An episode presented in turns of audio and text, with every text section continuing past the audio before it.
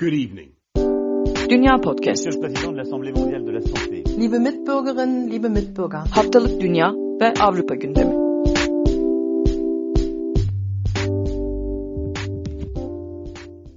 Dünya Podcast'ten herkese merhaba. Ben Nida Dinçtürk. Program partnerlerim Seda Karatabanoğlu ve Akın Art'la beraber bu haftada dünyanın ve Avrupa'nın gündemini aktarmak üzere buradayız. Haftalar geçtikçe koronavirüs biraz daha gündemimizde az yer tutmaya başlıyor gibi görünüyor. Bu hafta biraz daha ülkelerimize ait, e, yaşadığımız ülkelere ait olağan gündemleri aktaracağız. Covid-19 harici olağan gündemden söz ediyorum. E, bununla birlikte bu hafta ilk önce Almanya'da neler olduğuna göz atacağız. Şimdi Almanya'da geride kalan haftanın öne çıkan başlıklarını anlatmak üzere sözü Akın'a veriyorum. Peki ya Almanya'nın geçen hafta en çok öne çıkan başlığı aslında bir tür yolsuzluk skandalıydı. Almanya'da bazı milletvekillerinin maske tedariğine ara buluculuk yaparak, şirketlerin maske tedariğine ara buluculuk yaparak bu ara buluculuk üzerinden komisyon aldıkları ortaya çıktı. CDU üyesi, Hristiyan Demokrat Parti üyesi Nicolas Löbel ve Hristiyan Sosyal Birlik üyesi, CSU üyesi Georg Nüzlein bu iki isimde. İkisi de skandalın ortaya çıkmasından kısa bir süre sonra istifa etmek zorunda kaldılar ama istifa etmeleri tabii ki siyasette bu meselenin tartışılmasını tamamen bitirmedi. Hala tartışılıyor. Bunun önümüzdeki dönemlere sarkan da bir tartışma olacağını söylemek de çok zor değil. İddiaya göre Löbel 250 bin, Newsline'da 750 bin euro civarında bir e, komisyon almışlar yaptıkları arabuluculuk eylemleri sebebiyle. E, bu durumun komplo teorilerinin önünü açabileceği konusunda da ciddi endişeler var. Bildiğiniz gibi işte Covid'in aslında gerçek olmadığı veya önlemlerin abartılı bir şekilde birilerine maddi kazanç sağlamak amacıyla alındığı gibi bir takım aşırı sağdan beslenen komple teorileri uzun süredir Avrupa'da da var. Dünyanın başka yerlerinde de var.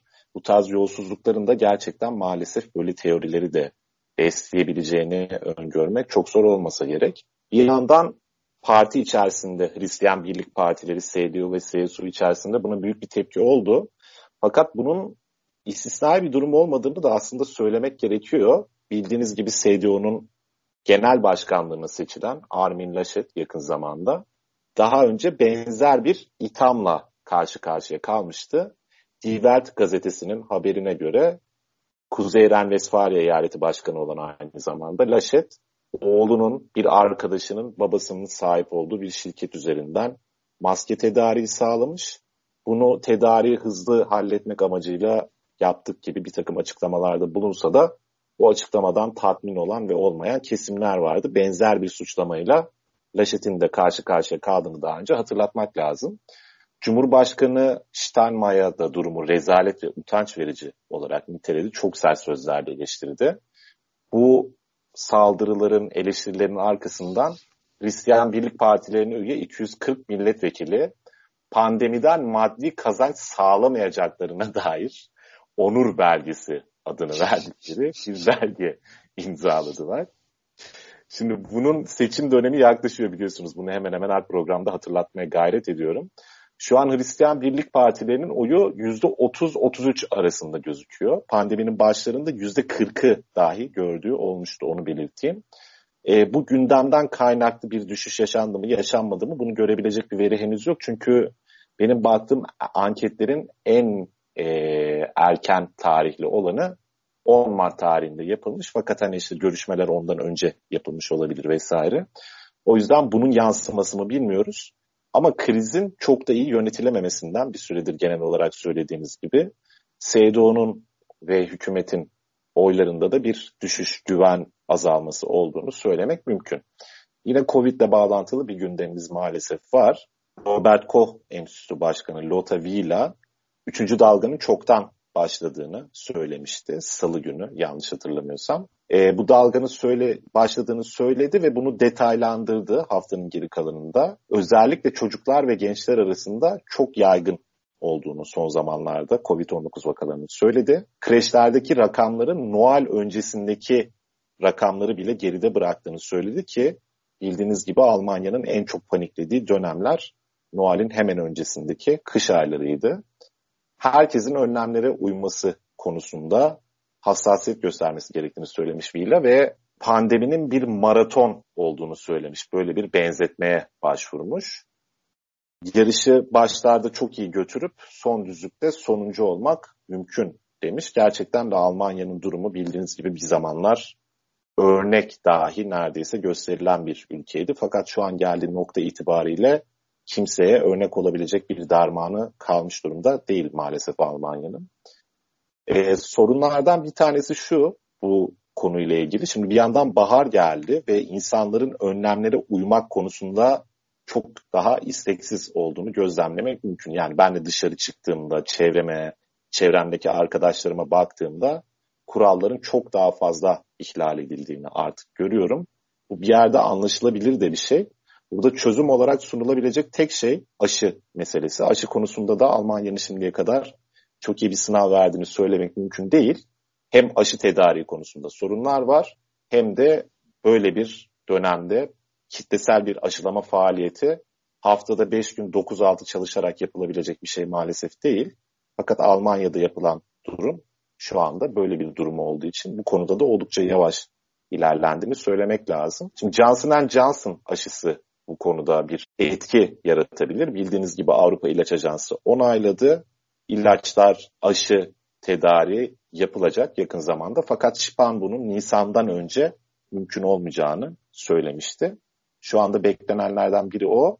Öte yandan şöyle bir sorun var. Onu da hatırlatmak lazım. Belki bununla ilgili ek bir program da yaparız. Almanya bildiğiniz gibi AstraZeneca'dan tedarik edemediği aşılar için yoğun bir çaba sarf ediyordu. Fakat AstraZeneca oldukça şüpheli bir aşı olma yolunda ilerliyor. Avusturya'da aşıdan sonra 49 yaşında bir kadın kanda yoğun pıhtılaşma sonucu hayatını kaybetmişti. Geçen hafta yine 35 yaşında bir kadın akciğerinde pıhtılaşma sonucu hastaneye kaldırılmıştı. Yunanistan'da benzer bir olay oldu. Danimarka'da oldu. Avusturya, Danimarka, Norveç ve İzlanda AstraZeneca aşısını kullanmaya geçici olarak ara verdiler. Şimdi şunu belirtmek lazım. Bu bilim insanlarının inceleyip sonrasında görüş bildireceği bir durum. Bu ölümler doğrudan aşıyla bağlantılı mı değil mi? Henüz buna dair bir bulgu yok. Ancak aşı olmuş birden fazla kişinin benzer şikayetlerle hastaneye yatması bu aşıyı en azından incelemeye bir kere daha gerek olduğuna dair bir ipucu olarak sayılabilir. Fakat dediğim gibi iki durum arasında net bir korelasyon kurulmuş değil şu anda. Onu da belirteyim. Bence bu haftanın en önemli ve en can sıkıcı gündemine geçeyim. Daha önce ordu içerisindeki aşırı sağcı örgütlenme skandallarından bahsetmiştik. Ordu envanterinden çalınan 2 kilo patlayıcı ve 5000 adet merminin Leipzig'te bir askerin, bir komandonun kişisel arazisinde bulunduğundan da bahsetmiştik. Keşke Almanya'nın Ergenekonu diyebilir miyim? evet, evet onun gibi bir şey. Keşke YouTuber'lar gibi şey yapabilsek şöyle gösterip işte şu bölümlerimizi dinleyebilirsiniz diye. Ama böyle bir ihtimalimiz yok. Fakat evet, eski bölümleri... Bültende belirtebiliyoruz Bültende aslında.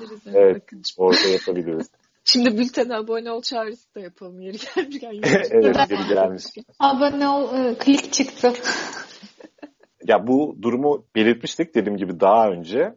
Davada karar çıkmış oldu arkadaşlar. Çok da tatmin edici bir sonuç çıktı bence onu da belirteyim. Şimdi 46 yaşındaki Philip S. olarak anılan askerimiz 2 yıl ertelemeli hapis cezasına çarptırıldı. Yani hapse girmeyecek. Şimdi mahkeme zanlının bir saldırı hazırlığında olduğuna dair yeterince delil bulunamadığına kanaat getirmiş. Her ne kadar açıklamaları çelişkili olsa da ne gerekiyor delil olarak mesela saldırı hazırladığına dair ben bundan çok emin olamadım. Yani illa saldırı hazırlığı yapıldığına dair şemalar, planlar, dosyalar mı ele geçirilmesi gerekiyor bilmiyorum.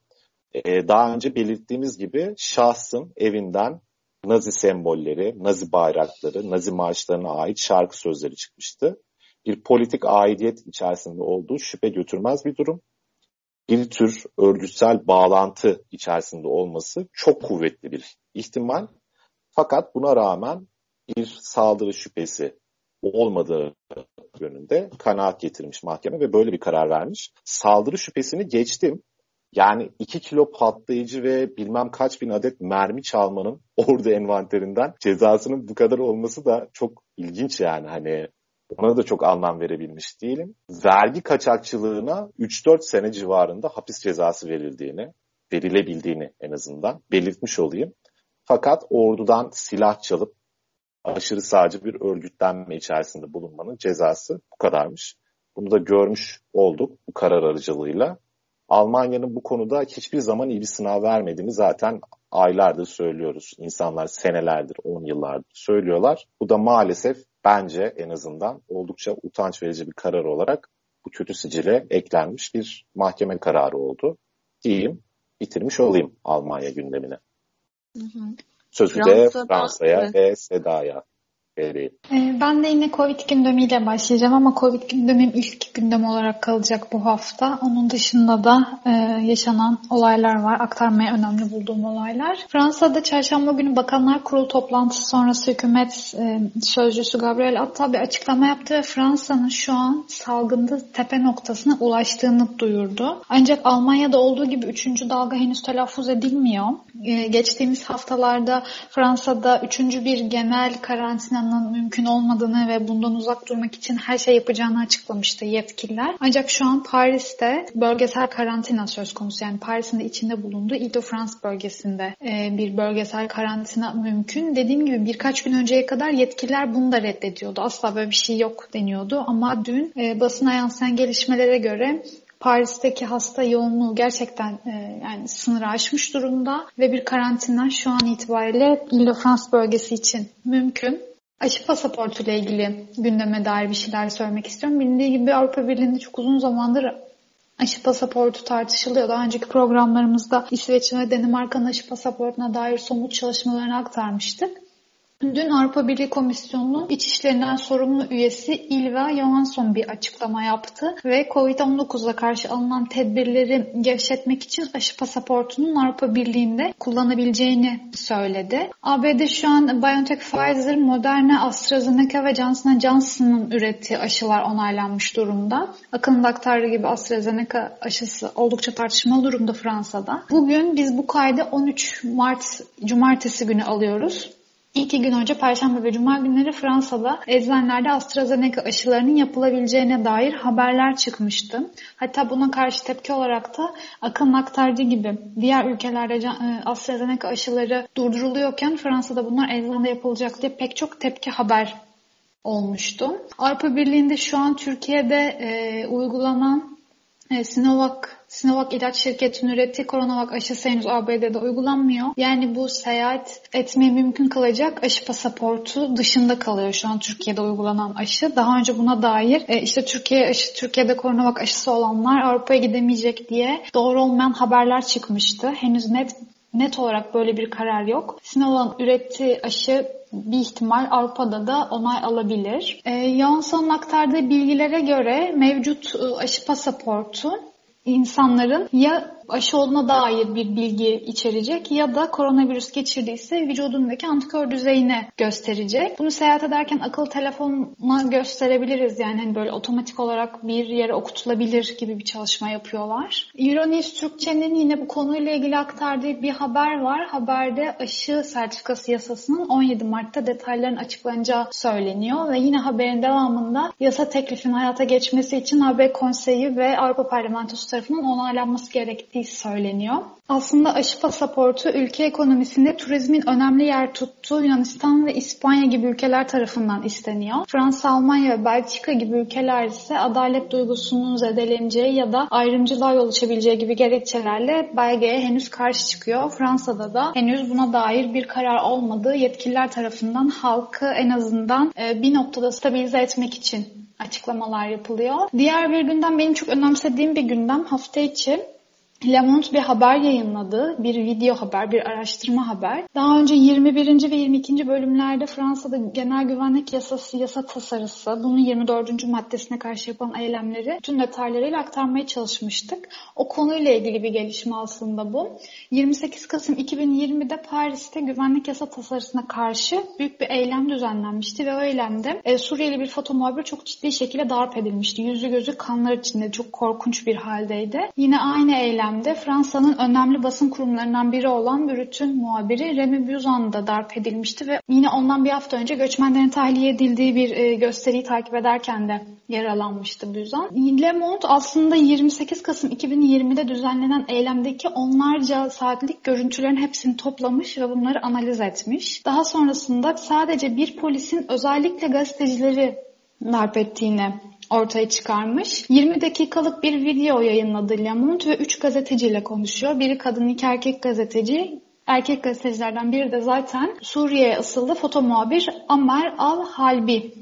Kendisi de orada konuşuyor. Ee, Halbi daha sonrasında e, bir burun ameliyatı geçirmek zorunda kalmıştı e, iyileşebilmek için. Çok ciddi şekilde yaralanmıştı. Le Monde'un videosunda aslında gazeteciler o gün orada ne olduğunu, hangi meydanda olduklarını, ne tarafta olduklarını, polisin kendilerine doğru yöneldiğinde aslında biz hani basın anlamına gelen pres diye bağırdıklarını aktarıyor. Aslında Le Monde polisin kimliğini tespit ediyor ama bunu videoda açıklamıyor. Polisin 29 yaşında olduğunu ve 2019'dan itibaren Paris'te toplumsal olaylar eylemlerde görev aldığını açıklıyor. Yani alanda bu tür kamu adına toplumsal eylemlere müdahale etme yetkisinin olduğunu açıklıyor. Konuyla ilgili Paris Savcılığı bir soruşturma başlattı ve burun ameliyatı olmak zorunda kalan ve 12 gün iş göremezlik raporu alan e, gazeteci Albi ise e, polis hakkında kamu otoritesine sahip bir kişinin kasıtlı şiddet uyguladığı gerekçesiyle şikayette bulunmuştu. Bültende bu videonun linkini paylaşacağız. Merak edenler izleyebilir. E, video Fransızca, İngilizce seçeneği yok ama aslında e, dilin de önemli olmadığı bir video. E, o, yani görsel bir e, ürün olduğu için ortada Fransızca bilmek de o kadar hayati olmuyor bence bu videoda. Son olarak 46. E, Sezar ödül töreninde yaşanan bir olayı aktarmak istiyorum. Dün gece Fransa'nın yani klasik tabirle Fransa'nın Oscar'ı olarak anılan Sezar ödül töreni gerçekleştirildi. 46. Sezar ödül töreninde oyuncu Corinne Maziero en iyi kostüm ödülünü vermek için sahneye davet edildi ve sahneye aslında çok enteresan bir kostümle çıktı. Fransa'nın müzik film yani müzikal eşek derisi filminden esinlenen e, esinlendiği bir kostüm giymişti. Bir eşek kürkünü ifade eden bir kostümdü ve vücudu, yüzü e, kanlar içindeydi. Daha sonrasında bir konuşma yaptı. Aslında konuşmasında iki noktaya değindi. Birisi, birincisi Fransa'nın kültür endüstrisinde çalışan insanların ne kadar zor durumda olduğunu söyledi. İkinci olarak da daha öncesinde Fransa'da yaşanan bir e, gündem vardı, ensest gündemi ve insanlar yaşadıklarını sosyal medyada paylaşıyordu, haberlerde paylaşıyordu. Ensest gündemine değindi ve Fransa'nın Ulusal Sinema Merkezi Başkanı Dominique Boutona'nın Ekim ayında vaftiz oğlunun kendisi hakkında tecavüz iddiasında bulunduğunu söyledi ve bu duruma dair öfkesini dile getirdi. Daha sonrasında üzerindeki o eşek e, kostümünü çıkardı. Daha altında kalan elbisesini de soyundu ve sahnede tamamen çıplak kaldı. Maziero'nun önünde kültür yoksa gelecek yok yazıyordu ve daha sonrasında sırtında da bize e, sanatımızı geri ver Jean yazıyordu. Jean da Başbakan Castex, Jean Castex'e e, bir mesaj ilet, iletti e, yazıldı sosyal medyada. Fransa'nın gündemi bugünlük böyle ben e, Nida'ya aktarayım. Onun da epey dolu sadece Covid'e bağlı olmayan bir gündemi var. Evet hatta bu hafta neredeyse Covid'den hiç söz etmeyeceğim bir gündem var. Şimdi dinleyenlerin önemli bir kısmının aslında e, kraliyet ailesiyle ilgili gelişmeleri aktarmamı beklediğini biliyorum fakat bunu en sona bırakacağım.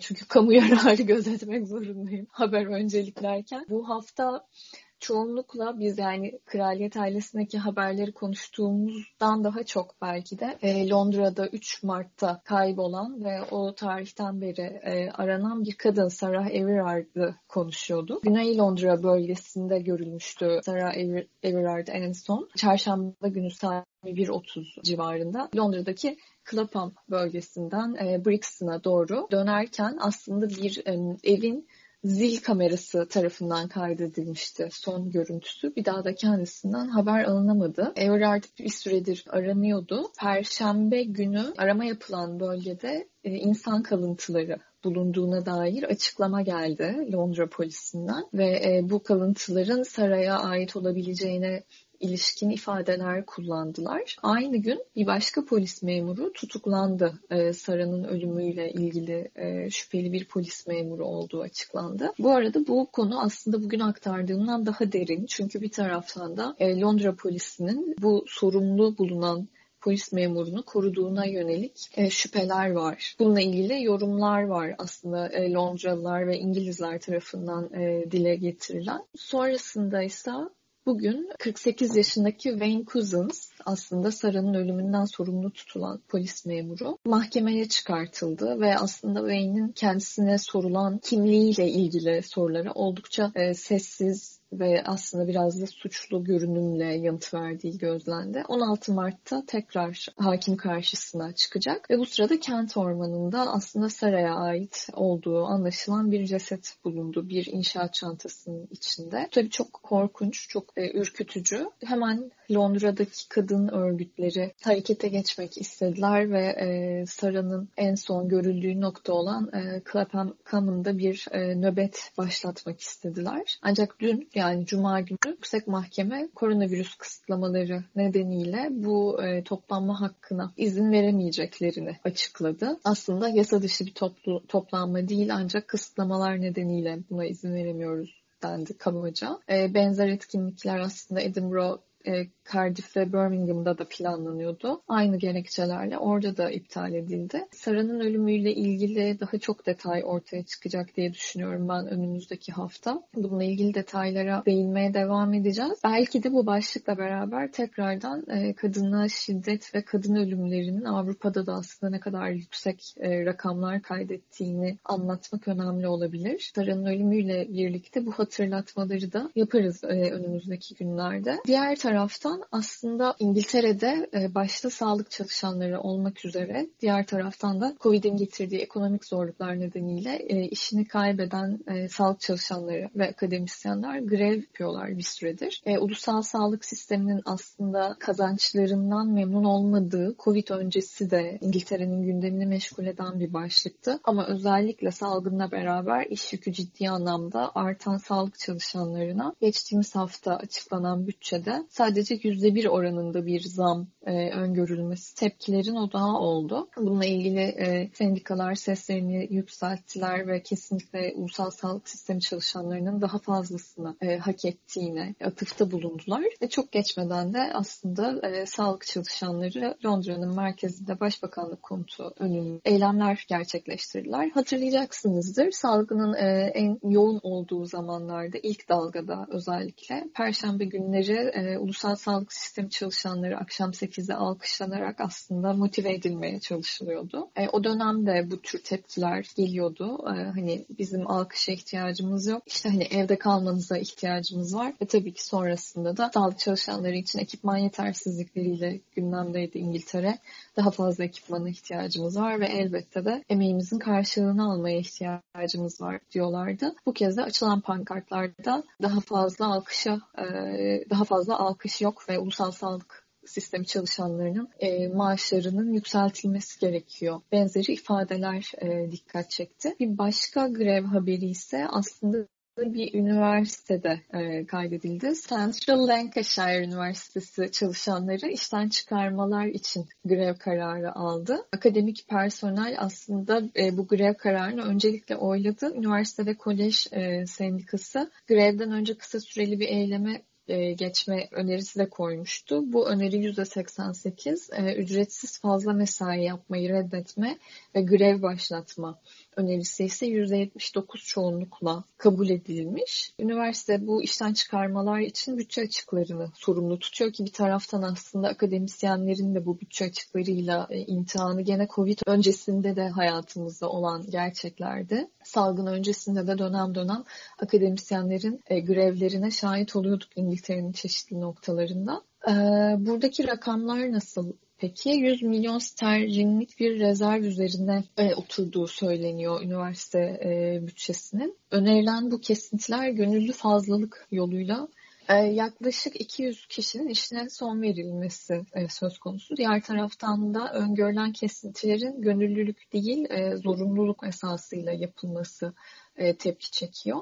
Sendikanın genel sekreteri bir açıklama yapmış bununla ilgili. Üniversitenin bu kesintileri durdurması gerekiyor demiş. Çünkü öğrenci sayısında bir artış görülürken son 18 ayda yüzlerce çalışan işten çıkartıldı diye bir hatırlatmada e, bulunmuş. Buradaki grev devam ediyor ve sağlık çalışanlarının e, grevlerinin de aslında istedikleri haklar teslim edilmediği müddetçe süreceğini tahmin ediyoruz. Çünkü en başta da dediğim gibi zaten bu Covid'le daha da büyümüş bir problem. Öncesinde de gündelik hayatımızı etkileyen ve e, zaten normal haber akışında da karşılaştığımız başlıklardan birisiydi. Peki saray cephesinde neler oluyor? Gelelim o malum soruya. Bildiğiniz gibi geçtiğimiz e, hafta pazar günü önce Amerika'da, pazartesi günü ise İngiltere'de yayınlanan bir röportaj e, Prens Harry ile eşi Meghan e, Markle'ın Oprah Winfrey'e verdikleri röportaj biraz tırnak içinde tedirginlikle bekleniyordu İngiltere'de. Tekim röportaj yayınlandıktan sonra da sular durulmadı. Çünkü aslında Harry ve Meghan ikilisi e, ciddi suçlamalarda bulundular. Bunu genellemek gerekirse ırkçılık, akıl sağlığı, medya ile ilişkiler ve e, kraliyet ailesinin dinamikleri gibi dört e, ana başlıkta toplayabiliriz. Prens Harry, Oprah Winfrey'nin sorularını yanıtlarken aslında e, İngiltere'deki bulvar gazetelerinin bağnaz olduğunu ve e, kontrol ve korkunun zehirli ortamını yarattıklarını e, söyledi. Buna benzer ifadeleri daha önce de kullanmıştı. Hatta e, annesinin ölümüne atıfta bulunarak aynı şeyi eşimin yaşaması ihtimalini göze alamazdım demişti. E, birkaç ay önce yapılan e, açıklamalarda. Babasıyla bir süredir e, konuşmadığını yani bunu bir küslük olarak tarif etmiyor fakat işte görüşme gerçekleştirmediklerini e, not etmiş. Bu sırada Prens Harry'nin bu açıklamasına İngiltere'deki Editörler Derneği'nden bir yanıt geldi. Medyanın bağnaz olmadığını, zengin ve güçlü figürlere hesap sorduğunu söyledi sadece. Bu oldukça tartışmaya açık bir konu bence. E, Meghan Markle ise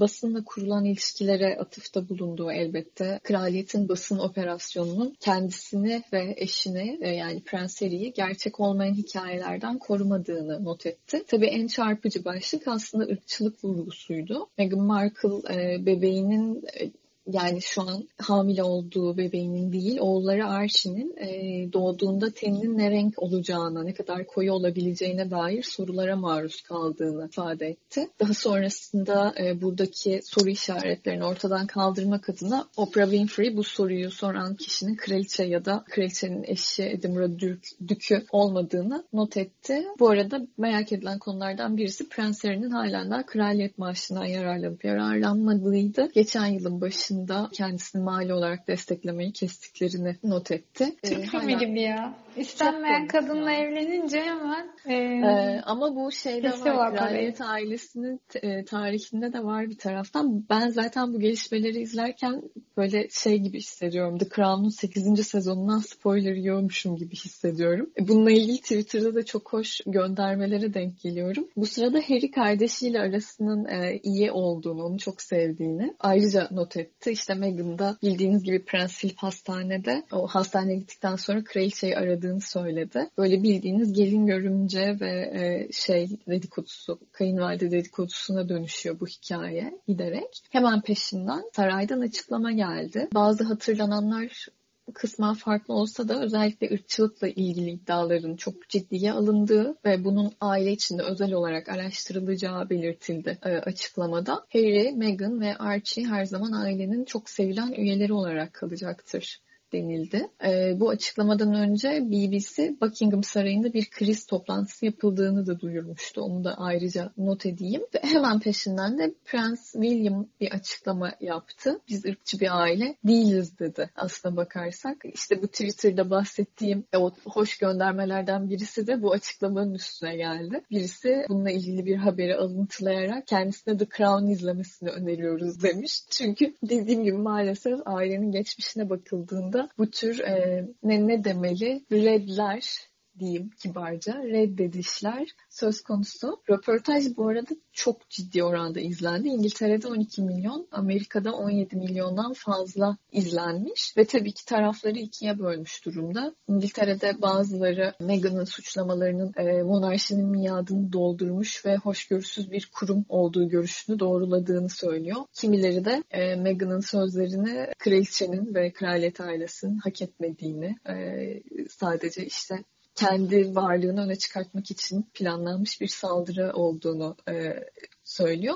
Bu çok enteresan çünkü bu tartışmaların taraflarına baktığımızda yaş ortalaması olarak tam da Brexit'i oylayan kitleyle karşılaşıyoruz. Kraliyet ailesini savunanlar 65 yaş üstündekiler. Daha genç kişiler Meghan ve Harry ikilisinin açıklamalarını e, savunan kişiler. Medyadan da aslında kendilerine yöneltilen eleştirilere yanıtlar geldi. Onu da az önce belirttiğim gibi e, İngiltere'deki Editörler Derneği biz sadece önde olan, e, göz önünde olan karakterlere yönelik araştırmalar yapıyoruz dedi. E, bu konu da çok çetrefilli. Kabaca ben e, geçebileceğim detayları not etmek istedim. Bitirmeden bu haftanın bültenini aslında üç ülkenin de gündeminde yer almayan ama dünya gündeminde önemli bir detay olduğunu düşündüğüm George Floyd meselesine ait gelişmeyi not etmek istiyorum. E, George Floyd'un ailesine 27 milyon dolar tazminat ödenmesine hükmedildi. Minneapolis Belediye Meclisi hatırlayacağınız gibi gözaltına alınması sırasında hayatını kaybetmişti e, George Floyd. Ailesine 27 milyon dolar tazminat ödenmesine ilişkin kararı onayladığını açıkladı e, belediye meclisi. E, belki bununla ilgili detayları önümüzdeki günlerde konuşuruz. Fakat Covid ile beraber neredeyse hayatımıza giren 25 Mayıs 2020 George Floyd'un e, ölüm tarihi. Covid'in çok yüksek e, oranda hayatımıza girdiği dönemlerde gene de gündemi baskılayan ve oldukça da önemli bir konuydu bu da. Bununla ilgili bu e, detayı da not ederek bu haftanın gündemini bitirebiliriz diye düşünüyorum. Başka ekleyeceğiniz bir şey var mıdır Seda Akın? Floyd cinayeti sonrası Avrupa'da yaşanan eylemleri de aslında biz Dünya Podcast'ın ilk bölümlerinde aktarmıştık. Fransa'da, İngiltere'de oldukça yoğun eylemler olmuştu. Heykel yıkmaya varan tepkiler vardı. Bunların hepsini ilk bölümlerimizde aktarmıştık diyelim. O kadar evet. geriye gitmek isterseniz bizi ilk acemilik programlarımızda evet. dinleyebilirsiniz. Peki öyleyse haftaya yeniden görüşmek üzere. Ee, bir sonraki genel gündem bültenine gelene kadar biz gene diyalog ve post-it e, formatlarındaki kayıtlarımızda sizinle olacağız. Dünya Podcast'in daha doğrusu artık dünya medya diye anmaya çalışıyoruz. Çünkü evet. podcast'ten fazlasıyla ulaşmaya çalışıyoruz size. Sosyal medya hesaplarını takip ederseniz seviniriz. Böylece gündelik gelişmelerden de haberdar olabilirsiniz. Haftaya görüşmek üzere. Hoşçakalın. Hoşçakalın. Hoşçakalın. Good evening. Dünya Podcast. Liebe Mitbürgerinnen, liebe Mitbürger. Haftalık Dünya ve Avrupa gündemi.